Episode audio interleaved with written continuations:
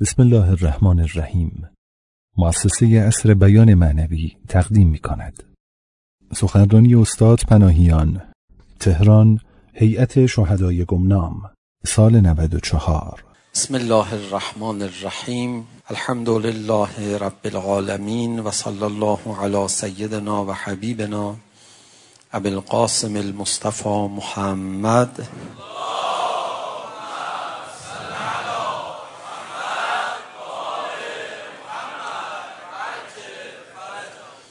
وآله الطيبين الطاهرين المعصومين سيما الحجة بقية الله الأعظم روحي وأرواح العالمين له الفداء اللعن الدائم على أعدائه مجمعين إلى قيام يوم الدين رب اشرح لي صدري ويسر لي أمري واحلل عقدة من لساني يفقه قولي در جلسه قبل ما به یک راز خیلی مهم اشاره کردیم و به سرعت هم ازش عبور کردیم چون نمیشه زیاد در اون نقطه ایستاد. ولی شما به سرعت از اون نقطه عبور نکنید. حسابی باید بیاندیشید و بپردازید به این موضوع و اون رو برای جامعه خودتون به هر وسیله‌ای که میتونید تبیین کنید. سوال و جواب ما این بود. علال قاعد منافقین در جامعه آدم های زیاد محبوب و مطلوب و مقبول و معقولی نباید باشن. باید علال قاعده منافقین رو بشه شناخت. زیاد کار سختی نباید باشه.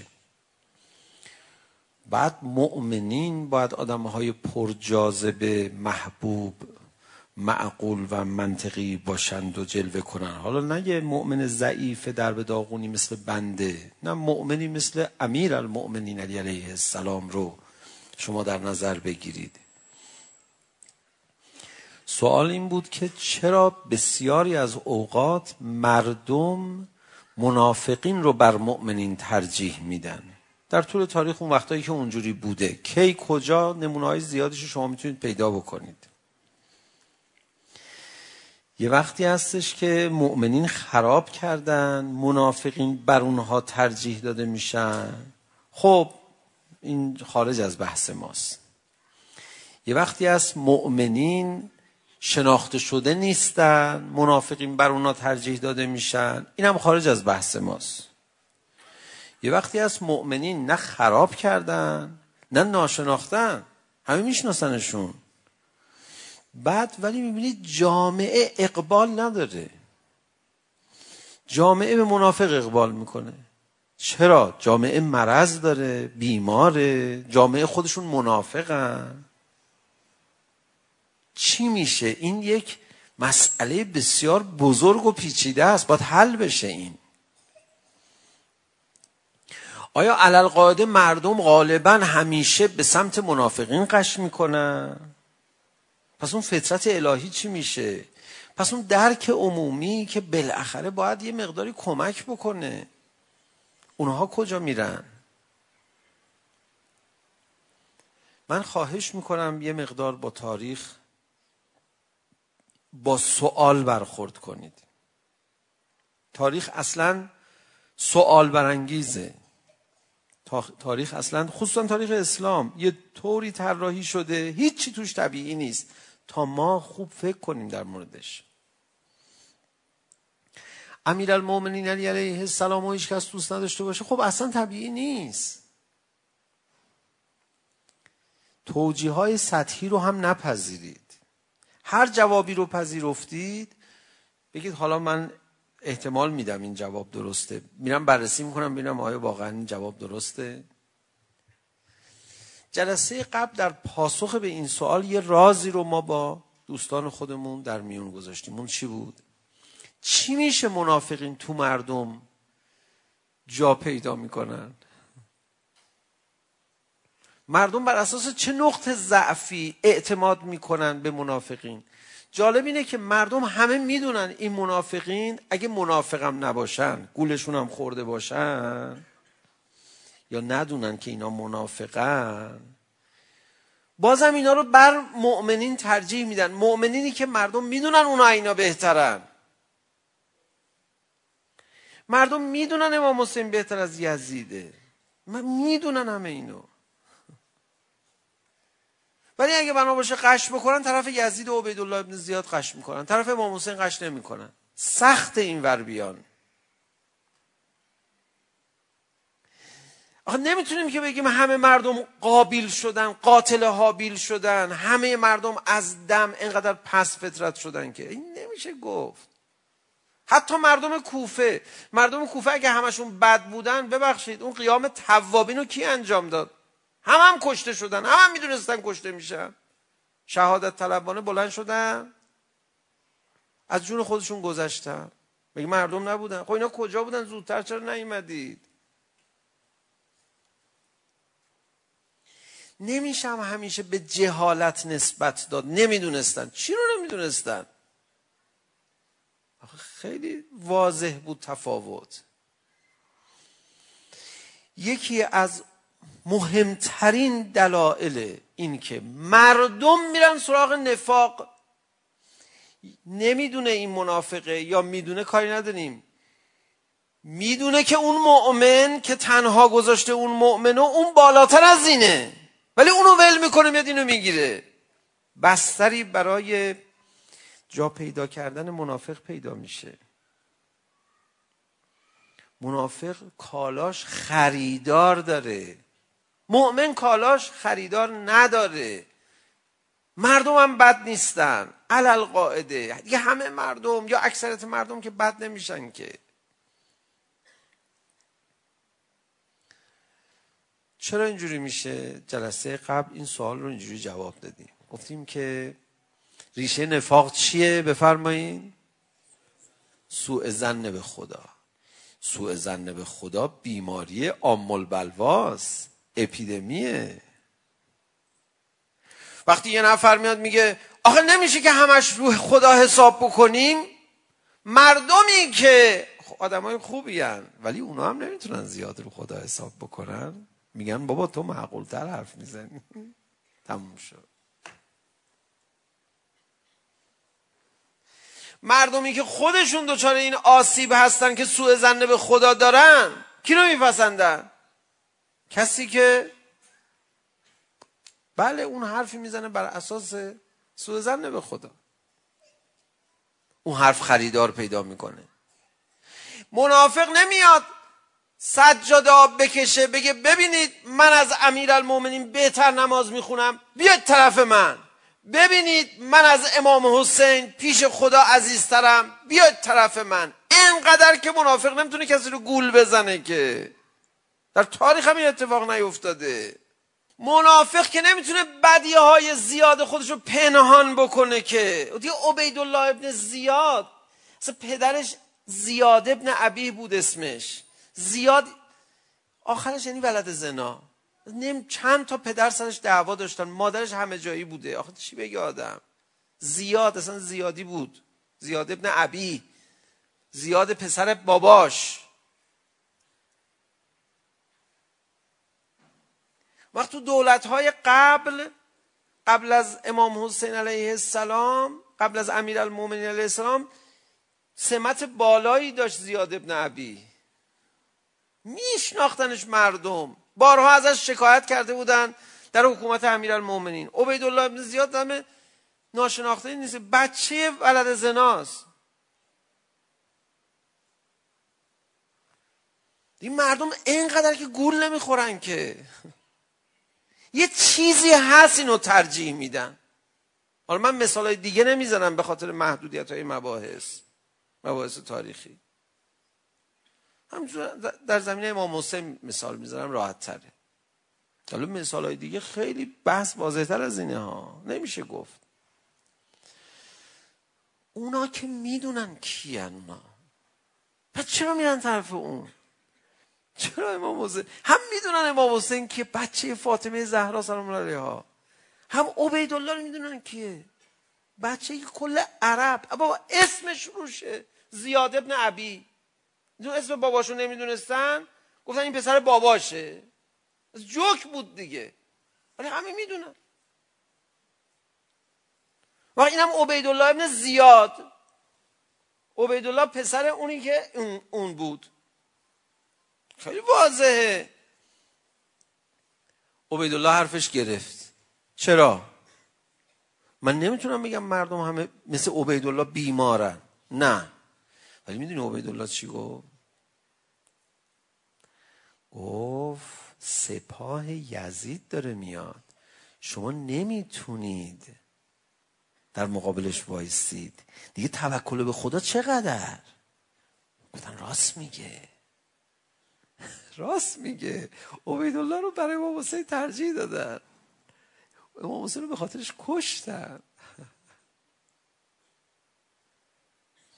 کسی نیومد بگه مردم به نصرت خدا ایمان داشته باشید می اومدم میگفت فایده نداشت مصطفی ابن عقیل بود دیگه گفت دیگه فایده نداشت مردم جانی بالفطری نیستن دوست ندارن قاتل امام حسین باشن. خیلی از اون کسانی که اومده بودن روز عاشورا گریه میکردن و تیر مینداختن همشون هم که بغض نداشتن که.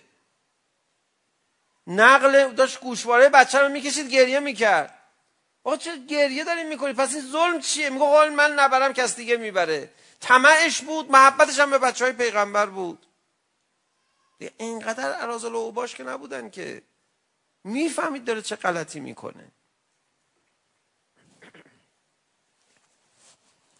مردم تو منافقین چی میبینن که به اونا اعتماد میکنن؟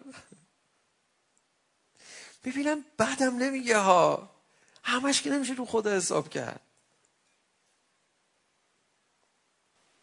همش نمیشه خدا حساب کرد.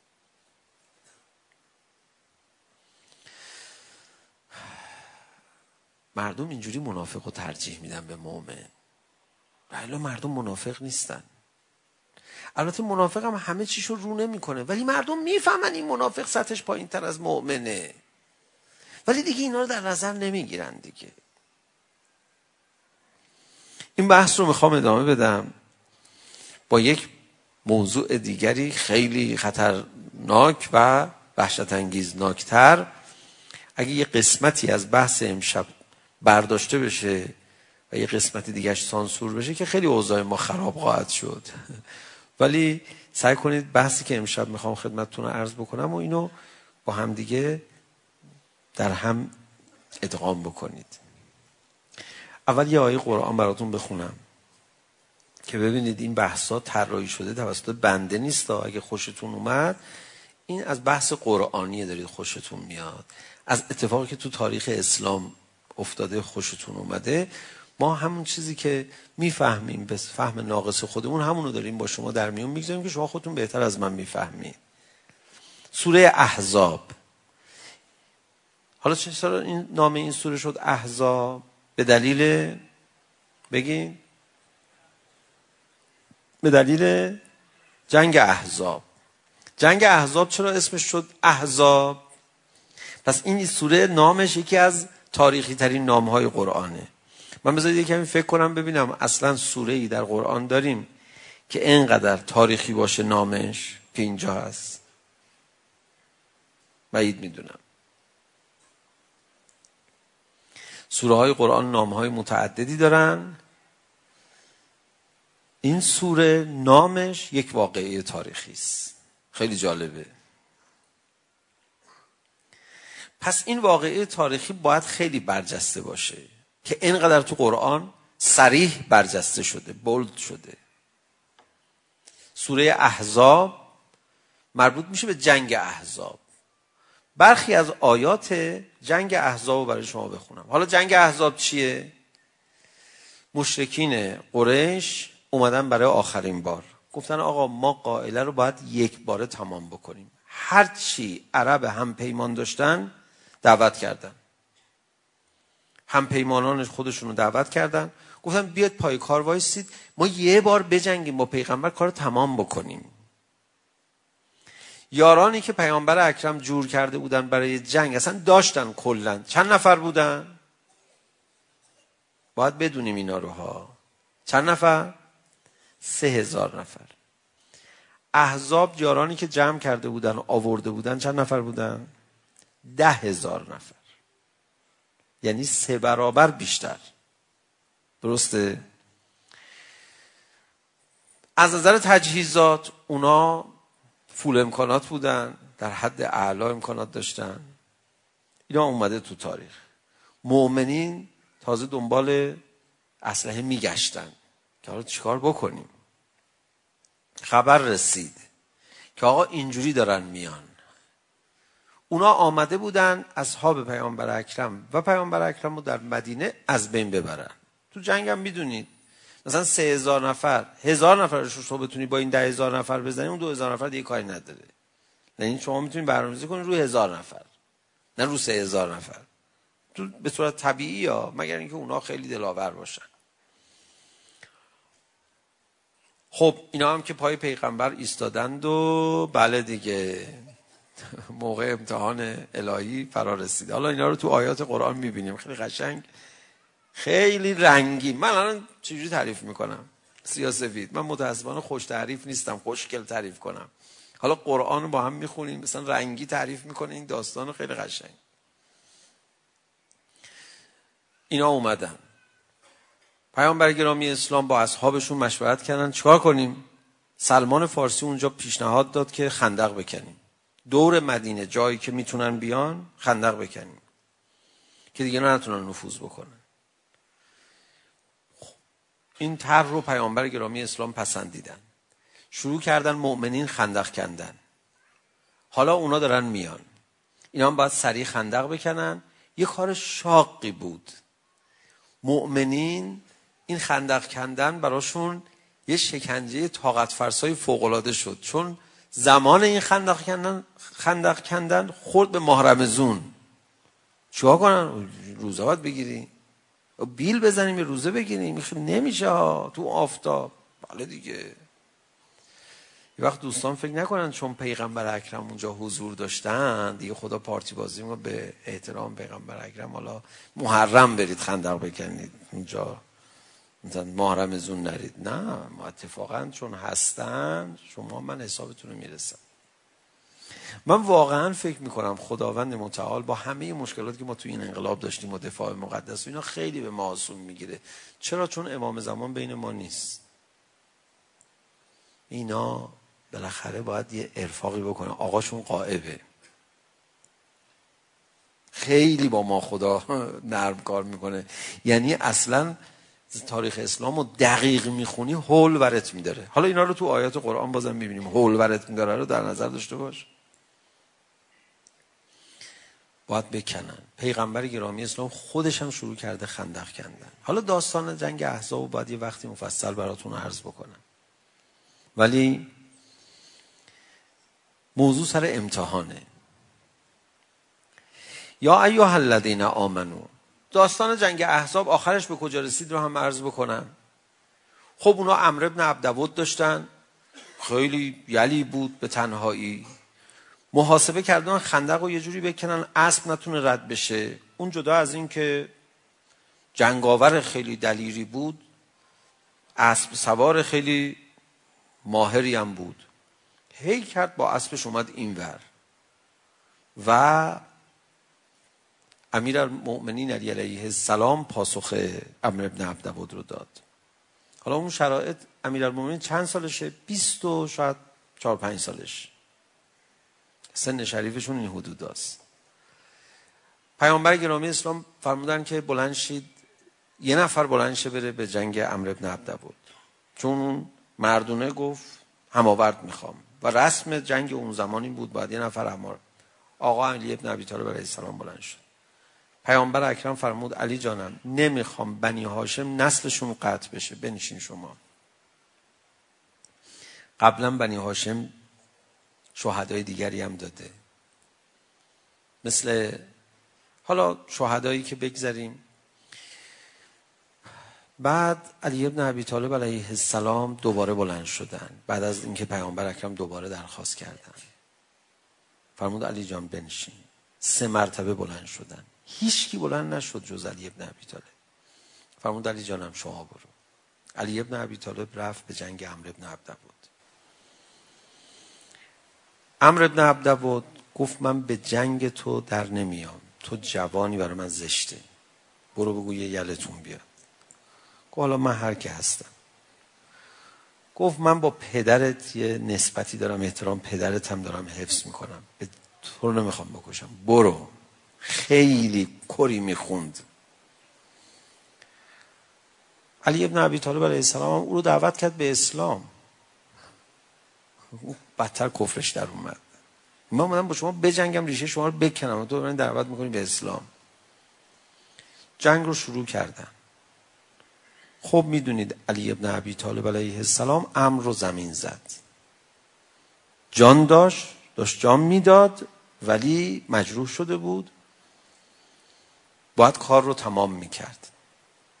علی ابن عبی طالب علیه السلام امر رو به قتل رسون داستانش رو میدونید. امر خیلی عصبانی شده بود. آب دهن به صورت علی ابن عبی طالب پرتاب کرد. حضرت چند قدم زدن. حالا هر دو لشکر دارن این نمایش رو میبینن. نمایش نبود یه حقیقت بود. دل احزاب خالی شد.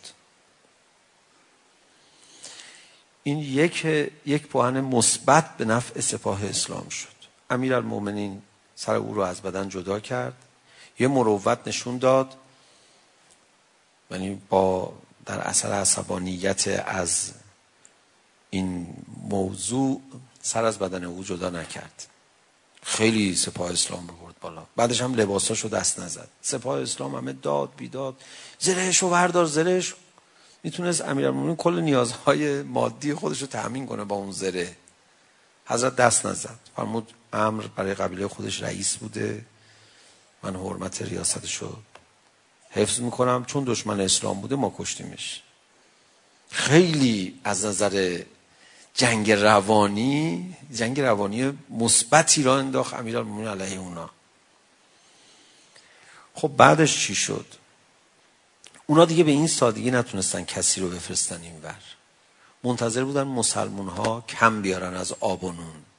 مسلمان ها هم منتظر بودن بین اونها تفرقه ایجاد کنن. پیامبر گرامی اسلام موفق شد بین احزاب تفرقه ایجاد کنه. که حالا اونم یه بحث خیلی عالی یه جوری مکر در بین دشمنان کارگر شد. و مکر در جنگ داریم و چجوری پیامبر اکرم این مکر رو اجرا کرد که داستان مفصلیه. یعنی ببینم خدا یا توفیق میده ما در این باره با هم گفتگو کنیم. چون بحث روز ماست. حالا میگذاریم بگذره. بعد احزاب متلاشی شدن. با کمترین جنگ سپاه اسلام پیروز شد. با کمترین جنگ. کمتر از جنگ احد کمتر از جنگ بدر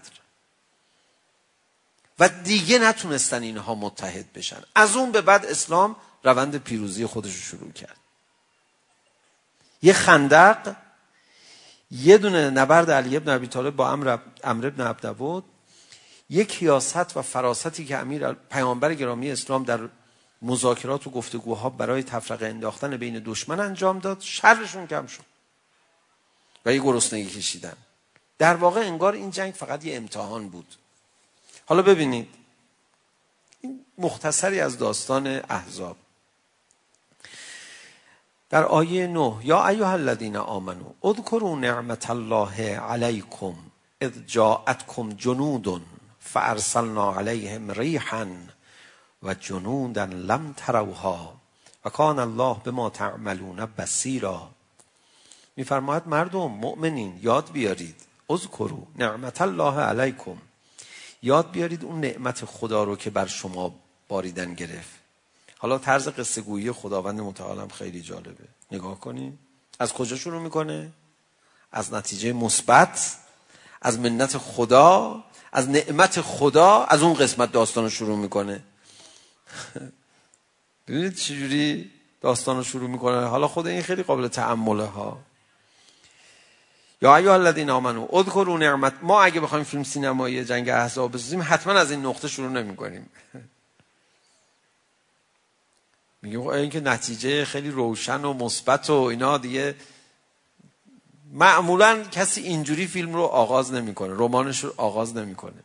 از یه مشکلی آغاز می‌کنه یا یه کار دیگه می‌کنه.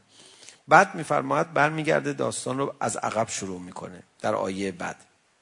حالا این آیه رو ترجمه کنم. ای مؤمنین به یاد بیارید نعمت خدا رو یه لشکریان رو ما برای شما فرستادیم ما جو... لشکریانی رو برای شما فرستادیم ما ما سه هزار نفر بودیم اونا ده هزار نفر خدا چی فرستادیم ما یه لشکریانی رو برای شما فرستادیم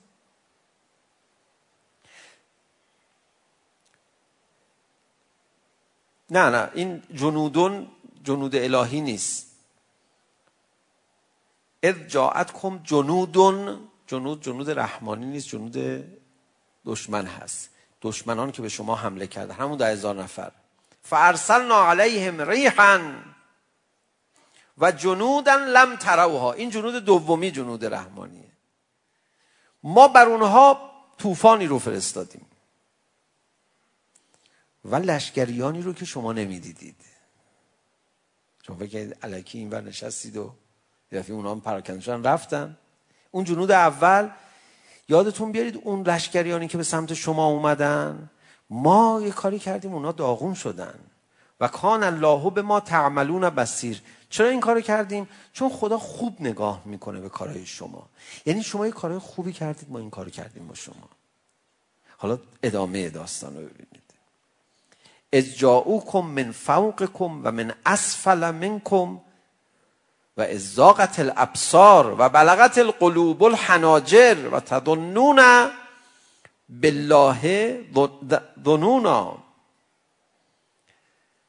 فرمودن که لشکریانی که داشتن میومدن به سمت شما چقدر بودن من فوقکم از بالا و پایین داشتن می اومدن از همه تپه ها و در راه از زاغت الابصار چشماتون خیره شد از از حدقه می اومد بیرون بلغت القلوب الحناجر قلبتون اومد تو گلوتون این میگم رنگی تعریف میکنه خداوند متعال و گمان بد به خدا بردید گمانایی کردید دیگه مثل این که خدا دیگه چجوری آخه میتونه ما رو نجات بده این سوء زن رو ببینید اینجا خدا کاملا بحث رو پیش میکشه هنالکب ابتلی المؤمنون اینجا مؤمنون امتحان شدن و زلزلو زلزالا شدیدا. کاملا رنگی تعریف میکنه خدا. و تکون خوردن یه تکون سختی خوردن مؤمنین. زلزلو زلزالا شدیدا. دیدید اونا رو؟ چند نفر؟ سه برابر شما بودن.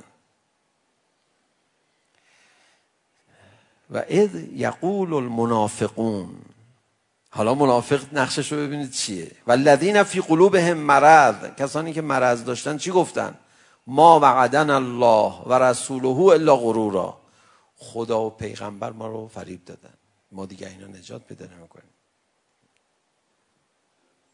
به مؤمنین میفرماید که شما یه گمانایی کردید ولی منافقین چی دیگه این سوء زن رو مستحکم کردن تو وجود خودشون حالا اون بحثی که میخوام خدمت شما عرض بکنم چیه؟ دوستان من یه بلیه ای هست به نام واقع بینی. واقع بینی؟ میگه آقا این واقعیت نگاه کن آقا این واقعیت ادامه بحث جلسه قبل.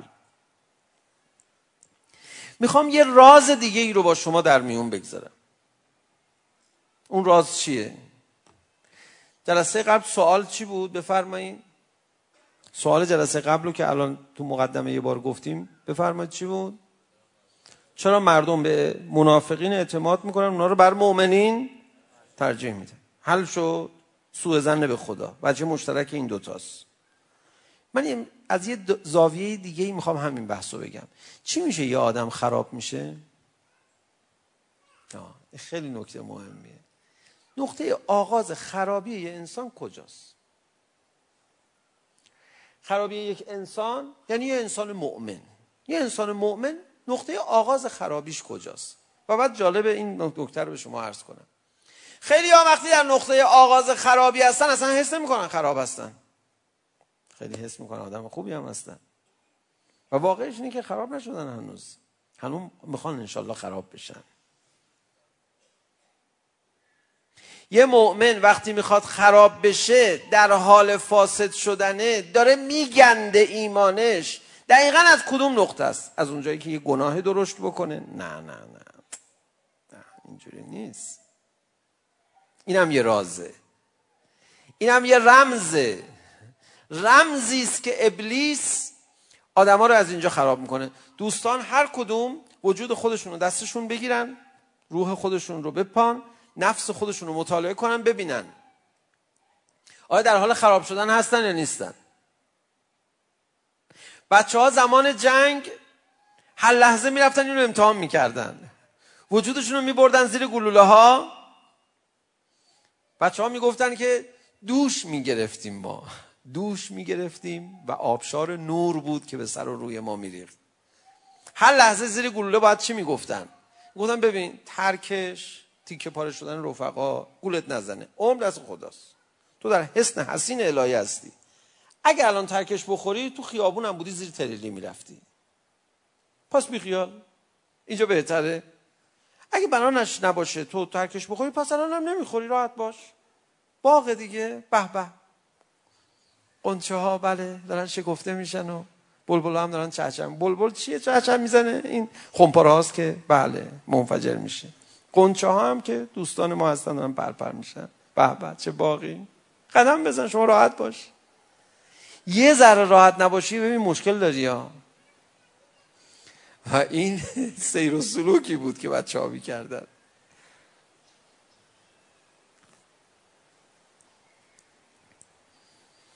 یه نفر میگفت از یه جایی که من نمیگم کجا یه نیروهایی برده بودن. برای دفاع از حرم بعد توی سوریه جنگ دفعی سخت شده بود. حالا کجا دارن می جنگم چهار تا شهر اونورتر. دفعی جنگ سخت که شد گفت که حالا من اینا رو دیگه دارم آخرشو خیلی کاری کلم موتور خیلی واضح. گفت ببین ما اومده بودیم دفاع از حرم بکنیم نه اینجا. آدم یا فیش فکرش اون کار کردن اصلا درسته اصلا اینجا شاید ما اونجا بخواستیم شهید میشیم اینجا نه خب آقا یکیه دیگه بالاخره تو دنبال دشمن کردی بینه گفت آقا اینجا اونجا مخ... اونجا پناه بود بریم یادا وقتی میترسه دیگه بهونه میاره من این صحنه ها دیدم گاهی از اوقات شما ندیدید این صحنه ها تو جنگ بله تو روزنامه ها الان میتونید ببینید اونایی که در این جنگ با استکبار جا زدن این توجیهاتشون مقاله می نویسن قشنگ ببین بخون فارسی بلدید که بخونید حتما اونا رو من باید اینجا بیام اینجوری بگم الان میتونن برای بچه های این هیئت مسابقه بگذارن بگم اون حرفه رو شنیدین که طرف ورده بودن جنگ کم که سخت شد دیدن واقعا خیلی وضعیت خطرناکی گفت ما بهتر نبود اونجا به جنگیم. اینجا چرا اومدیم؟ ما اونجا رو گفته بودیم میریم حرم زینب دفاع میکنیم. سلام الله علیها گوهل یا همش کلش حرم زینب. سلام الله علیها بزن راحت باش. نه آخه اونجا بریم. اونجا ببین. اینجا. توجیه میکنن خیلی اصلا ترسشون رو توجیه میکنن تئوری. مقاله مینویسه با کلاس. پس شما دیگه نمیگید ما جبهه نبودیم این صحنه رو ببینیم. بله؟ شما هستید الان تو جبهه این و دارید این صحنه ها رو میبینید. اگه من بذارم میتونید نبینید ولی من نمیذارم. و شما میبینید دیگه. من بعد میبینید. درسته؟ آدما چجوری خراب میشن؟ آدمای مؤمن آغاز خرابی از کجاست؟ اون لحظه خرابی واقع بینیه. یه کمی در کنار خدا میگه ببین البته آدم باید واقع بین باشه میدونی؟ شروع شد. زاویه میگه. آغاز خرابی یک انسان آغاز واقع بینی است با این توضیح. این مطلبی بود که عرض کردم. اگر صحبت بنده امشب تقطی بشه هیچ این صحبت نابود میشه. ببینید. آغاز خرابی یک انسان واقع بینیست به این شرط که تو این واقعیت هایی که داری میبینی خدا رو نبینی. خب داری خراب میشی. ولی خدا هم خودش یه واقعیت دیگه. الهی من فدای قرآن بشم نگاه کنید. آخه من یه مدتی دارم همه جا سخنرانی میکنم. میگم بابا ما ما رو اسم اونو گذاشتن نیروهای ارزشی که اسم خودشونو بذارن واقع بین. ولی ما واقع بینیم. اونا اتفاقا واقع بین نیستن. انقدر واقع بین نیستن پیروزی های ما رو هم نمیبینن. بهش میگه آقا پیروز شدیم. ببین نه ترس دیگه. پیروز شد تموم شد دیگه. دشمن رفت. میگه کی میزنه ما رو؟ کی میزنه؟ میگم ببین مرد تموم شد. ببین. کی میزنه تو رو خدا تنزشو درست کنید شما تفریح کنیم یه مثال یه چیزی فیلمی بسازید ببین جشنواره امار چیکار میکنه به خدا آقا تموم شد صدام اعدام کردن تو میترسی میگه نه حالا کی میزنه میگه چی میزنه ما داریم مثلا رفتیم اونجا الان اونجاییم بعضی اینجوری هم بهش میگه بابا آمریکا تموم شد میترسه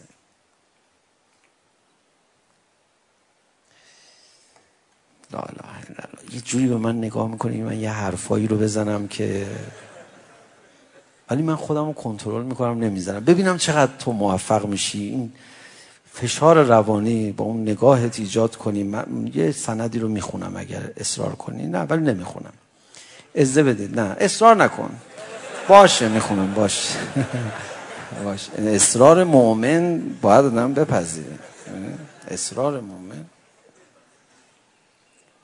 این کار ما شبیه فتنه 88 بود به مردم رفتن دروغ گفتن بعد مردم رفتن تو خیابون آن مردم اومدن بعد جوابشون رو میدی لام تو آخه عجب همین این کارو ما الان اجرا کردیم نمونه کوچیکش اصرار کنی میگم ولی نمیگم آقا اصرار میکنیم خب حالا اصرار کردی دیگه من مجبورم بگم کنین دیگه همین بازی ها صاحبه من بلدیم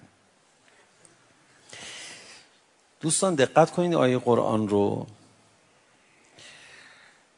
یا ایها الذین آمنوا اذكروا نعمت الله علیکم اذ جاءتکم جنودون یه جنودی اومدن حمله کنن به شما بعد ما هم یه جنود فرستادیم اون تو اونو نمیدیدید اسم ملائکه خودش رو میذاره جنود اسم اونا رو هم میذاره جنود. که هر دوتا رو با یه اسم بگه که بگه بابا تو اگه داری واقعیت لشکر رو میبینی خب لشکر ما هم لشکر داریم. فقط نمیبینی. لشکر دیگه. این یعنی چی؟ این جواب اون مسئله است که ما الان در مقابل منافقین منافقین واقع بین هستن ما چی هستیم؟ ما مؤمن هستیم. نه ما واقع بین هستیم. لشکر خدا هست واقعا هست من خونه یکی از شهدا رفتم قبل قدیما داستانشو گفتم مفصل با مشخصات حالا به مسائلی نمیخوام مشخصات کامل بگم گفت همین شوفاژ ما اینجا خراب شده بود من مونده بودم به کی بگم به مهندس زنگ زدم گفت من فردا میتونم بیام شب خواب دیدم شهیدمون اومده گفتم نرو طرف شوفاژ این آب ریخته رو زمین خیس اونجا گفت میدونم میخوام درستش بکنم. بعد اومد گفتش من درستش کردم. به مهندس زنگ زدم گونه میخواد بیاد. من خواب دیدم وای من چه خوابی دیدم. گفتم پایین دیدم همیشه خشکه. زنگ زدم به آقای مهندس. تو آقای مهندس نمیخواد. گفت کی درست کرد؟ گفت آقا یکی درست کرد. چیکار داره؟ قرآن که دروغ نمیشه که. هر موقع قرآن میخونن دیدید بعدش میگن صدق الله العلی العظیم؟ یعنی خدا راست میگه دیگه. اگه صدق الله نمیگفتن ما شک میکردیم. ولی الان همه میگن صدق الله العلی پس حتما راست میگه دیگه که میگن صدق الله العلی لازم شهدا زندن. شهدا یکیش هم یکی هم فرام نمیاد این فیلمشو بسازه ما ببینیم که مثلا شهدا شهید میشن بعد تبدیل میشن به کسانی که هر چی گلوله میزنه دیگه بهشون نمیخوره. بعد دیگه میرن تو دل دشمن دشمنو قلقم میکنن. والا اینا راسته به خدا. ما قیه قوی تر داریم میشیم. شما نمیبینید دشمنای ما دارن نابود میشن؟ اونا که اصلشون بیشتره که. بچه هی عقب نشینی میکنن. خیلی عجیبه. چون جنود هستن واقعیت دوستان دقت کنن. آغاز انحراف یک انسان از واقع بینی است. اما واقع بینی که خدا رو درش حذف کرده. خدا هم یک واقعیته. جنود خدا هم یک واقعیتن. وعده های خدا هم واقعی است. و آغاز یک انحراف آغاز یک بدبختی برای یک ملت این است که وعده های خدا رو واقعی نبینه. ببینید اینجا من برای شما خوندم. از یقول المنافقون والذین فی قلوبهم مرض ما وعدنا الله و رسوله الا غرورا. غرور یعنی فریب غرور یعنی علکی. وعده ها واقعی نبودن. آغاز بدبختی یک انسان این است که واقع بین بشود. یعنی فقط واقعیت های سطحی را ببیند. آغاز بدبختی یک انسان این است که واقع بین بشود یعنی فقط واقعیت های منفی را ببیند. آغاز بدبختی یک انسان این است که واقع بین بشود یعنی فقط واقعیت های کوچیز کوچک سطحی و ناچیز و بیمقدار را ببیند. اما واقعیت های بسیار بزرگتر بسیار ارزشمندتر بسیار اثرگذارتر رو نبیند باور کنید آقا اینا رو خیلی عجیبه مثلا اینا 27 میلیون نفر بریزن تو بیابون به سمت ابا عبدالله الحسین برن خدا شاهد اینا رقم 27 میلیون دیگه نمیفهمن چند تا صفر داره یادشون میره 27 هزار نفر توی شهری بگن که ما مثلا موسیقی میخوام میگه آقا مردم موسیقی میخوان. آقا تو چی میگی مردم؟ جلو مردم وایسادی. بعد به خودش میگه آخ چون مردم اومدن طرف ما موسیقی میخوان. بابا 27 میلیون نفر تو دیدی اصلا تکون نخوردی. اصلا اینا رو آدم انگار حساب نمیکنی. مردم اینن. واقعا واقعا ذهنشون دچار مالی خولیا میشه 27 هزار نفر رو قدرت میبینه برای خودش. بعد 27 میلیون نفر رو اصلا نمیشمره این 27 هزار نفر رو از 27 میلیون نفر کم بکنی یه میلیونش هم کم نمیشه بشین یه بار حساب کن نمیفهمه اینو دیگه اصلا نمیفهمه ببین 27 میلیون نفر امام حسین طرفدار داره بیشتر به اون طرف هزینه کن بیشتر هزینه کن برای امام حسین چقدر امام حسین طرفدار داره فهمیدی 27 میلیون نفر تا 27 هزار نفر میگه ما بردیم ما بردیم. این 27 هزار نفر ما برد بابا 27 هزار نفر. مثلا میگم این دو تا رقم همین جوریه من دارم میگم.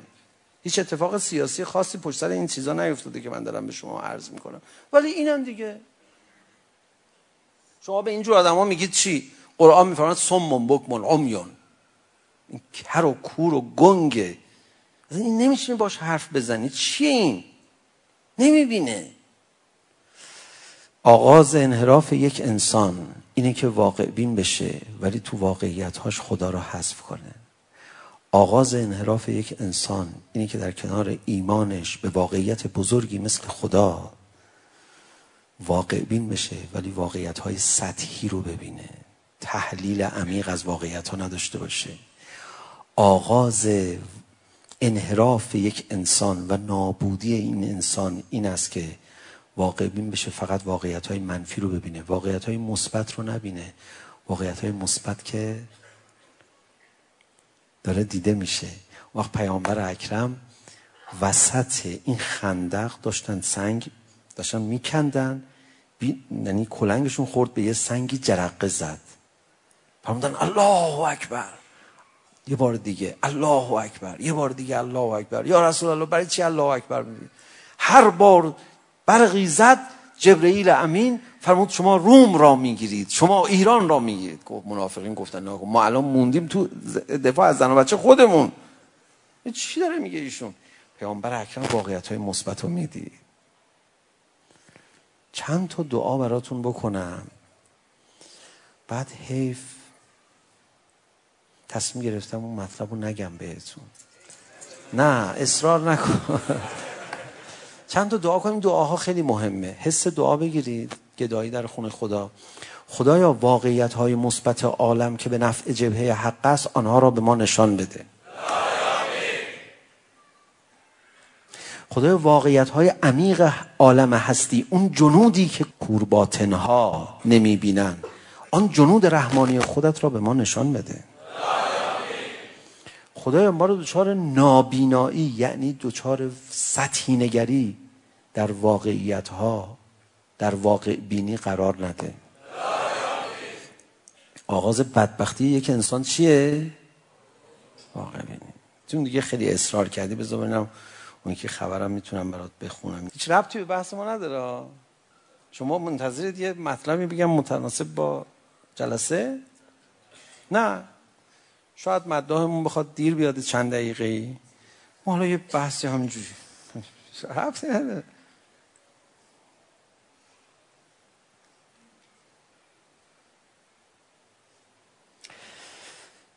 جلسه قبل یه مطلبی رو در مورد ناو آمریکایی که اومده بود خلیج فارس خوندم براتون درسته؟ گفتم یعنی نخوندم. بله. گفتم که امام فرمود بزنید. درسته؟ اونا هم که نزدن. امام فرمود ولی من میگم بزنید. اونا نزدن.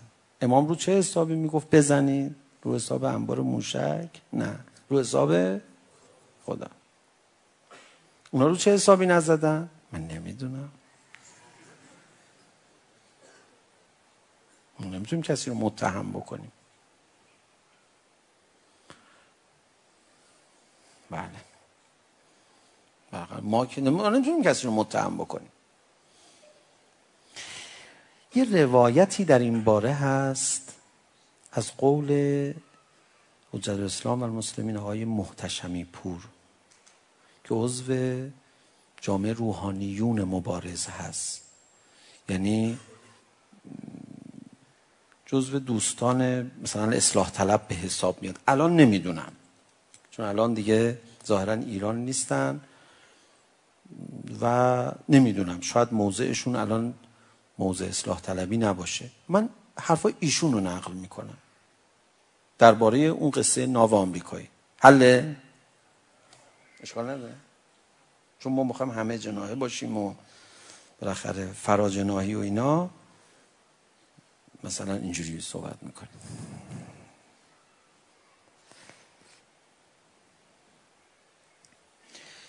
بله. نمیدونم یکی از خبرگزاری ها زده. یکی دیگه الان هم راحت دیگه. سند پیدا کردن کاری نداره. موبایل دست داری میری خونه فقط سرت به این ور نخوره.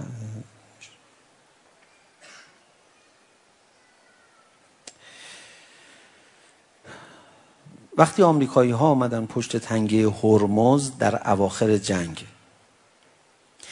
مقام های لشکری و کشوری رفتن خدمت امام که با آمریکایی ها چه باید کرد؟ امام فرمود اولین نام ناو آمریکایی که آمد در خلیج فارس بزنید. گفتن آقا این خطرناک است. آمریکا موشک کروز دارد بمباران میکند. ایشون نقل میکنن من نمیدونم چقدر. امام فرمودن آخرین کاری که آمریکا میکند میآید جماران را میزند. مرا از بین میبرد. بگذار ببرد. اولین ناو را بزنید. بگذارید ما در دنیا سربلند باشیم. درسته؟ مزه کنید امامو بچشیدش. آه بخواه چکار میکنم یه جماران رو میزنه. گفتن آقا از محالات هست. اگر مرکز از بین برود شما از بین بروید. دیگر چیزی نمیماند به عنوان انقلاب و نظام و چند تا نقطه نوشته. امام فرمودن نظر من این است. شما خودتان بروید با مقامات نظامی و مشورت کنید. به هر نتیجه که رسیدید من قبول دارم. که خب اونا اومدن مشورت کردن و رفتن به امام گفتن ما نظرمون اینه که نزنیم.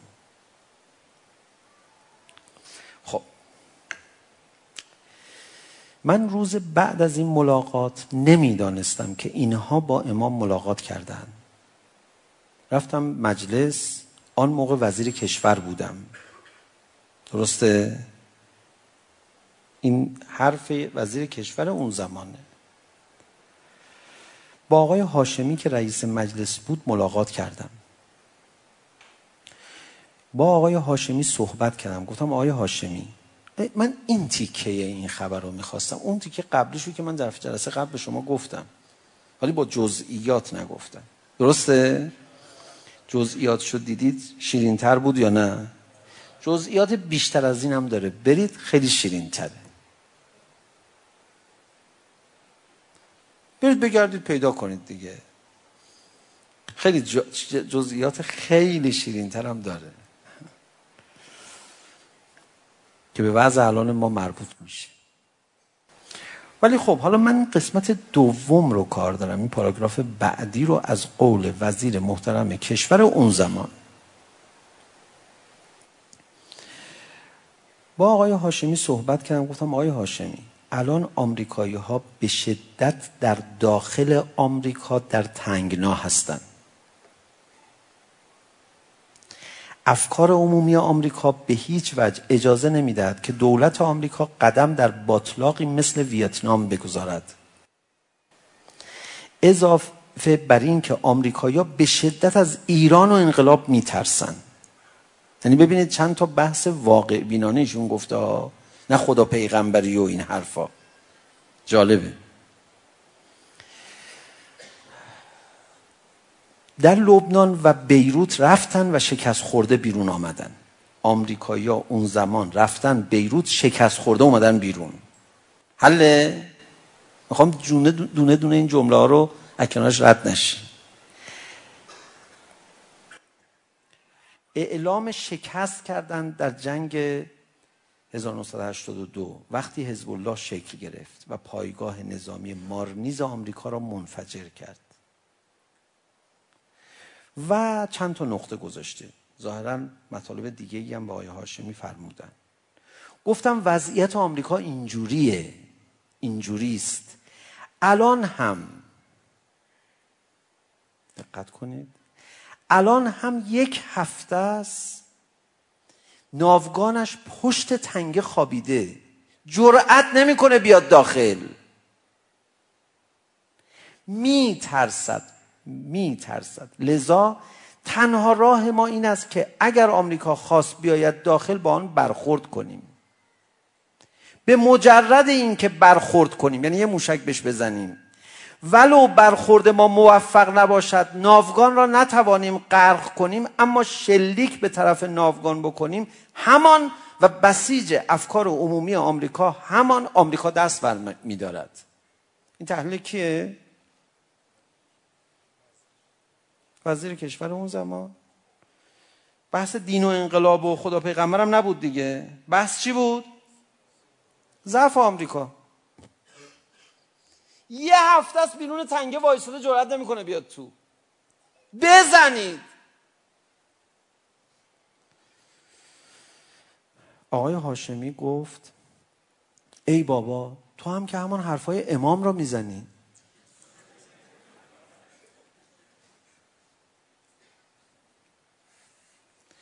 آقای محتشمی پور در ادامه میگوید به خدا قسم من اصلا نمیدانستم چنین ملاقاتی صورت گرفته. یعنی آقای محتشمی حرف رو بر اساس تحلیل واقعیت ها داشتن میگفتن نه نظر حضرت امام. ما اگه آمریکا رو زده بودیم اونجا چی کجا بودیم الان؟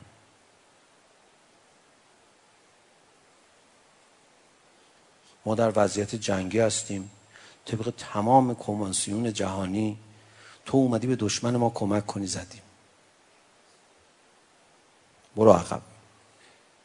ما در حال جنگ هستیم. نه جلو.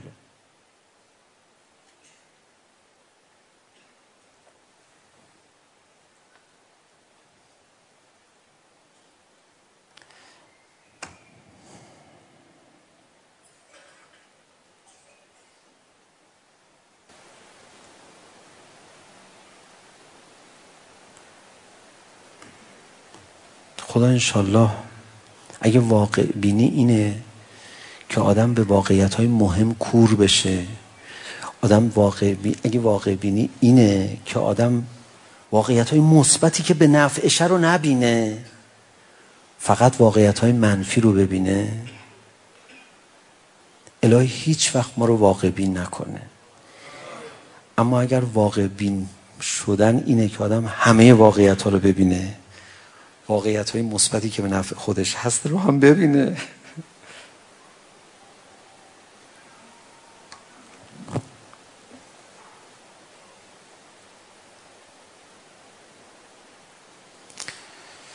نمیدونم.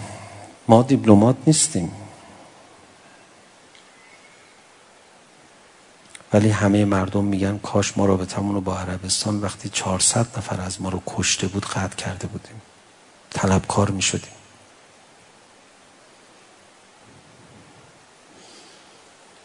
چون آگاهی هایی که ما از این دولت داریم هیچ کدومش اضافه نشده ما میدونستیم این دولت همینقدر خبیثه که الان هست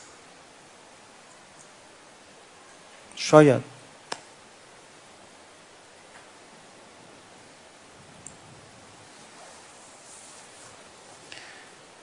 وقت اونا آتش گرفتن سفارت رو بهانه کنن که من نمیدونم.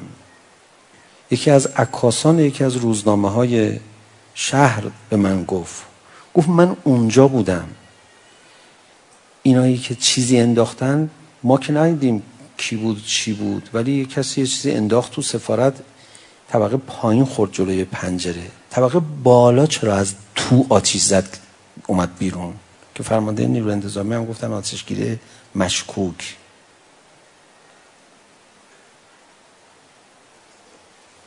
البته حمله به سفارت کار اشتباهی بود ولی بازی خوردن هم کار اشتباه تریه بله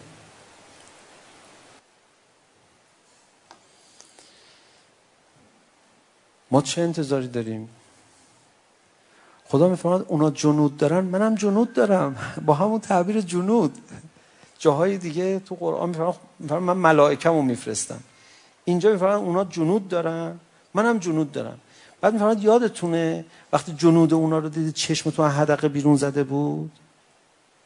امتحان شدید تکون خوردید قلبتون اومده بود تو دهنتون؟ یادتونه؟ من شما رو چجوری نجات دادم؟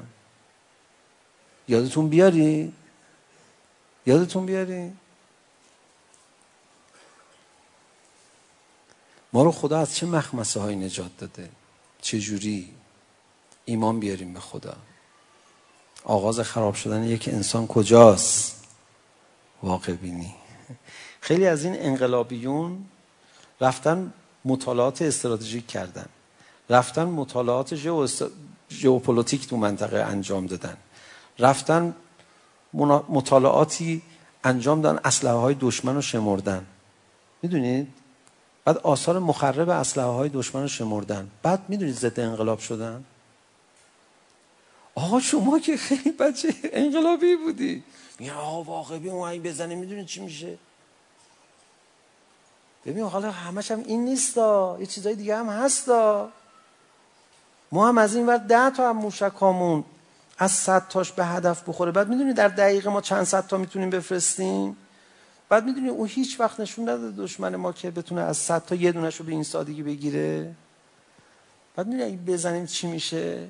او هیچ وقت نمیزنه اصلا امکان نداره بزنه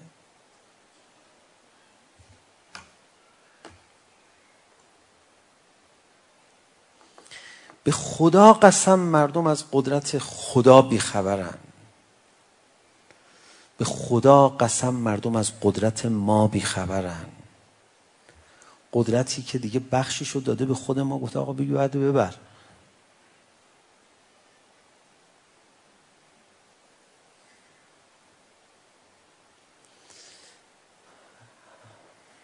روزنامه های آمریکایی برشن نوشتن که ایران حق داره علیه عربستان عکس عمل نشون بده سفارتشو با آتیش بکشه. مگه ندیدید چند نفر از اینا رو کشتن تو منا؟ روزنامه آمریکایی دارن میگن. البته اون آتیش زدن واقعا کار ایران نبوده. مشکوکه. کسی همین کار کرده اشتباه بوده. ما نیاز به این کار نداشتیم. ولی میخوام بگم روزنامه ها افکار عمومی دنیا خیلیشون حق دارن به ما میدن. کسی به ما حمله بکنه ما یه دونه موشک تو مغز پایگاه انرژی هسته ای اسرائیل بزنیم همه عالم به ما حق میدن. اونا هیچ وقتی هم چه غلطی نمیکنن به ما حمله کنن. پس ما قدرت داریم. ما بمب اتم نداریم ولی بمب های اتم جهان رو کار انداختیم. چون کشورمون یه جاییه که حساسه. غزه رو شخم زدن. یه دونه تونل نتونستن پیدا بکنن. تو ایران چجوری میتونن تونلای موشک های ما رو پیدا بکنن با تمام جاسوس های بین المللی تو لبنان تو یه نقطه کوچولو به اندازه یکی از شهرهای ماست منطقه برای بچه های حزب الله به اندازه یکی قسمتی از یکی از شهرهای ما نمیتونن سه حسن نصرالله رو پیدا کنن و چی تو ایران میتونن با ما بجنگن اصلا امکان نداره نه همش مسخره بازی اینه که موشک و بمب و اینا همش مسخره بازیه. و ما که قدرت داریم باید صدا اونو بالا بگیریم. از نظر اقتصادی هم خیلی حرف هست که زده بشه.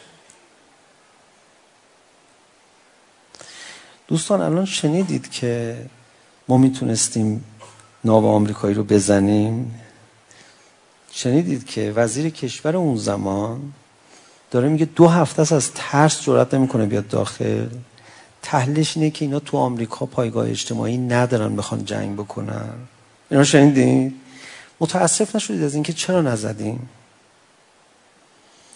بعد من به شما میگم شما به همین زودی ها خواهید فهمید که تحریم یه بازی مسخره بود که ما بزرگش کردیم. تحریم رو زندگی ایرانی ها نمیتونه تاثیر بگذاره مگر اینکه مسئولین نخوان. و بگن آقا تحریمه. شما میگی خب آره دیگه تحریمه دیگه.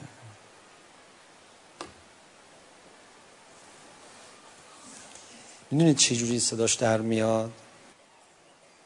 با اطلاعات و اخبار جزئی که میشد چجوری تحریما رو دور زد نیاز نداشته باشیم بریم در مقابل دشمن کوتاهیه بعد میدونید وقتی در مقابل دشمن کوتاه نیام چقدر درآمد داره؟ میدونید چقدر درآمد داره؟ میدونید چجوری میشه پول در آورد از اینا؟ میدونید آمریکا جایی لشکر کشی میکنه چجوری پول در میاره؟ بعدش برای آباد کردن اونجا اون لشکرش اونجاست دیگه. میگه حق نداری این محصولات رو وارد کنی. فقط محصولاتی که من بهت میگم وارد کن. بعد کارخونه‌اش رونق میگیره. پول اونا رو میچاپه. میدونید ما الان میتونیم ثروتمندترین کشور منطقه بشیم چون از نظر نظامی قوی ترین کشور منطقه این فقط کافیه خیلی معقول با همسایه‌هامون صحبت کنیم. یا ما این کارخونه‌مون نباید کار بیفته. متوجه بعد فرانسه اینجوری الان داره به ما زور میگه کشور یه وجبی خاطر چی به خاطر انرژی هسته‌ای که اصلا به درد نه به دردش نمیخوره به درد همشیره ابویش هم نمیخوره اصلا هیچ انرژی هسته‌ای میخواد چیکار کنه کشورهای غربی بشگاه‌های نفت خلیج فارس امنیتشون براشون خیلی بیشتره اهمیتش بیشتره تا مردم خودشون 100 میلیون مردم خودشون حاضرن بدن زیر تیغ. ولی چون اصلا کشور نیستن اونا اونا دولتاشون نمایندگان کارتل ها و تراست ها کارتل ها و تراست ها رگشون زیر دست ماست. رگ حیات اونا اینجاست. رگ حیات اونا مردمشون نیستن. اونا اصلا مهم نیست براشون ما بمب اتم داشته باشیم بزنیم تو مغز فرانسه. چه اهمیت داره؟ میتون فقط بگو کجا بزنیم؟ ما اونجا نباشیم. موقع بزن مردم رو نابود کن.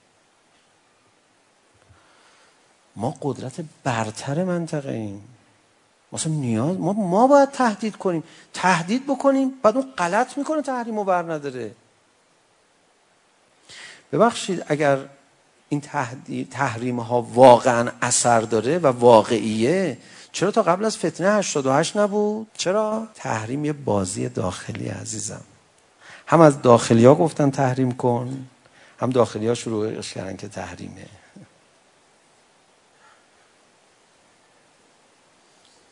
و الا اونا که از اول انقلاب اسلامی با ما درگیر بودن دوستشان ما رو نابود کنن پس چرا از 88 به بعد این تحریم ها رو شروع کردن کسی از داخل گرا داده نوارش هست بعدش هم حالا اونا چرا تحریم نمی کردن بگو چون تحریم میکردن فایده نداشت به سود ما بود امام گفت اینو خب اونا هیچ وقت کار احمقانه نمیکردن آقا واقعا این سود نداشت. خب مدیریت کنن. خب بکنن دیگه. من منم دارم همینو میگم دیگه. من دارم همینو میگم. طرف منبع آب 2000 لیتری تو خونش داره. رفته هماهنگ کرده. با شهرداری منطقه میشه یه ساعت این آب محل ما رو ببندید. من کار دارم تو خونه. بعد اومده گفته ببین آب بسته است. شما الان نمیتونید از آب استفاده کنید. ما هم رفتیم آره ببین همسایه همه اومدن میگن آب بسته است. دیدی؟ آب بسته است. پس دیگه به آب دست نزن الان اولا تو خودت گفتی برو آب ببند بعد این 2000 لیتری چی اینجا قایم کردی بازی داری میدی واقعیته ما هیچ وقت گیر نمی کنیم میدونید در جنگ احزاب چند نفر به چند نفر بود سه هزار نفر به الان چند به چند منطقه ما اربعین چند نفر فرستادیم 27 میلیون داعشیات نهایتش چند نفر میتونن سازماندهی کنن به یک میلیون میرسه میدونید ما بیشتریم میدونید ما بیشتریم کدومی که از اون 27 میلیون نفر حاضر نیستن برای امام حسین تیکه تیکه بشن کدوم ارتش جهان میتونه مقابل ما بیسته ما سربازانمون منطقه رو گرفتن که به عشق آقا حاضرن تیکه تیکه بشن. قدرت نیست. از این نمیشه پول در آورد. ما الان باید تو موضع ضعف باشیم. یک کشور دو میلیونی که صد هزار تا سرباز نداره باید ما رو با همون قطع ارتباط بکنه. آدم یاد دعوایی میفته که قدیما را میافتاد تو محلا بعد یکی می اومد این کسی که حق باش بود اونو میگرفت. و اون, اون نمیگرفتن اون هی میزد اون هی چاقو میزد این که خب نامرد ول کن منو میگه نه میخوام جدا کنم بابا تو جدا نمیکنی تو منو گرفتی خب اونم برو بگیر تو دعوا جدا نمیکنی تو منو گرفتی اون داره میزنه لذا اون لوتی های قدیم دعوا میشد کسی میومد بگیره آروم کنه اول اینو میزد گفت تو برو کنار دست پای من نگی من اونو حسابشو میرسم راست میگه چون منو میگیری برو اونو بگیر ای ضعیف نبودیم ضد انقلابا باید میرفتن غرب التماس میکردن تو رو خدا اینا رو تحریم نکنید ها تو رو خدا به اینا دست نزنید تو رو خدا طرف اینا نیاید اینا جلوشون رو بگیری جهانو میگیرن اینا خیلی قویه کی در کجا حسین داره که ما داریم اینا شوخیه یا شوخیه واقعیت های مثبت رو ببینید ببرمتون کربلا یه روزه براتون بخونم عصر روز یازدهم محرم امام زینالعابدین بدنهای قطع قطع شده روی زمین رو داره نگاه میکنه واقعیت مثبت دیگه اونجا پیدا میشه ولی زینب هست اومد امام سجاد رو بغل گرفت فرمود عزیز برادرم اینجور این بدنها رو نگاه نکن. اینجور این سرزمین رو نگاه نکن. اینجا محل زائران حسین فاطمه خواهد شد. همونجا اون واقعیت مثبت رو دیدیم و راست گفت زینب. راست گفت زینب. عبیدالله ملعون برگشت واقعیت های منفی رو دید اونم تازه تحریف کرد واقعیت ها رو گفت دیدی خدا حسین تو کشت دروغ گفت خدا نکشت اینها کشتن حسین عزیز خدا بود ولی میخواست واقعیت منفی رو نشون بده زینب کبرا واقعیت مثبت رو نگاه کرد فرمود ما رأی تو الا جمیلا من هر چی بودم دیدم قشنگ بود مثلا منفی ندیدم خیلی زیبا بود خیلی حماسی بود خدا به حق حضرت زینب زیبایی ظهور رو به ما نشون بده زیبایی رسوا شدن منافقین رو به ما هم نشون بده خدا زیبایی نابود شدن دشمنان رو به ما هم نشون بده این بچه ها با این گریه هاشون برا زینب کبرا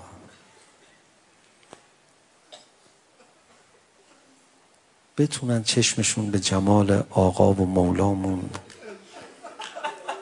روشن بشه.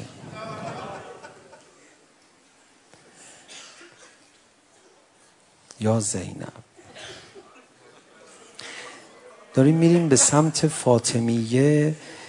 من یه اتفاق تو مدینه افتاده. امشب باید یه یاد میکردیم.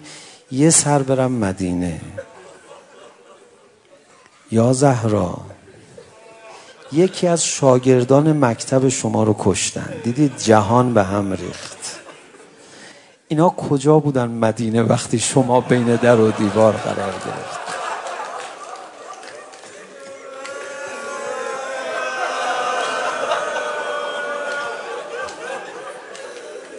در خانه علی رو آتش زدن مدینه تکون نخورد. علا لعنت الله. بیان معنوی نقطه آی آر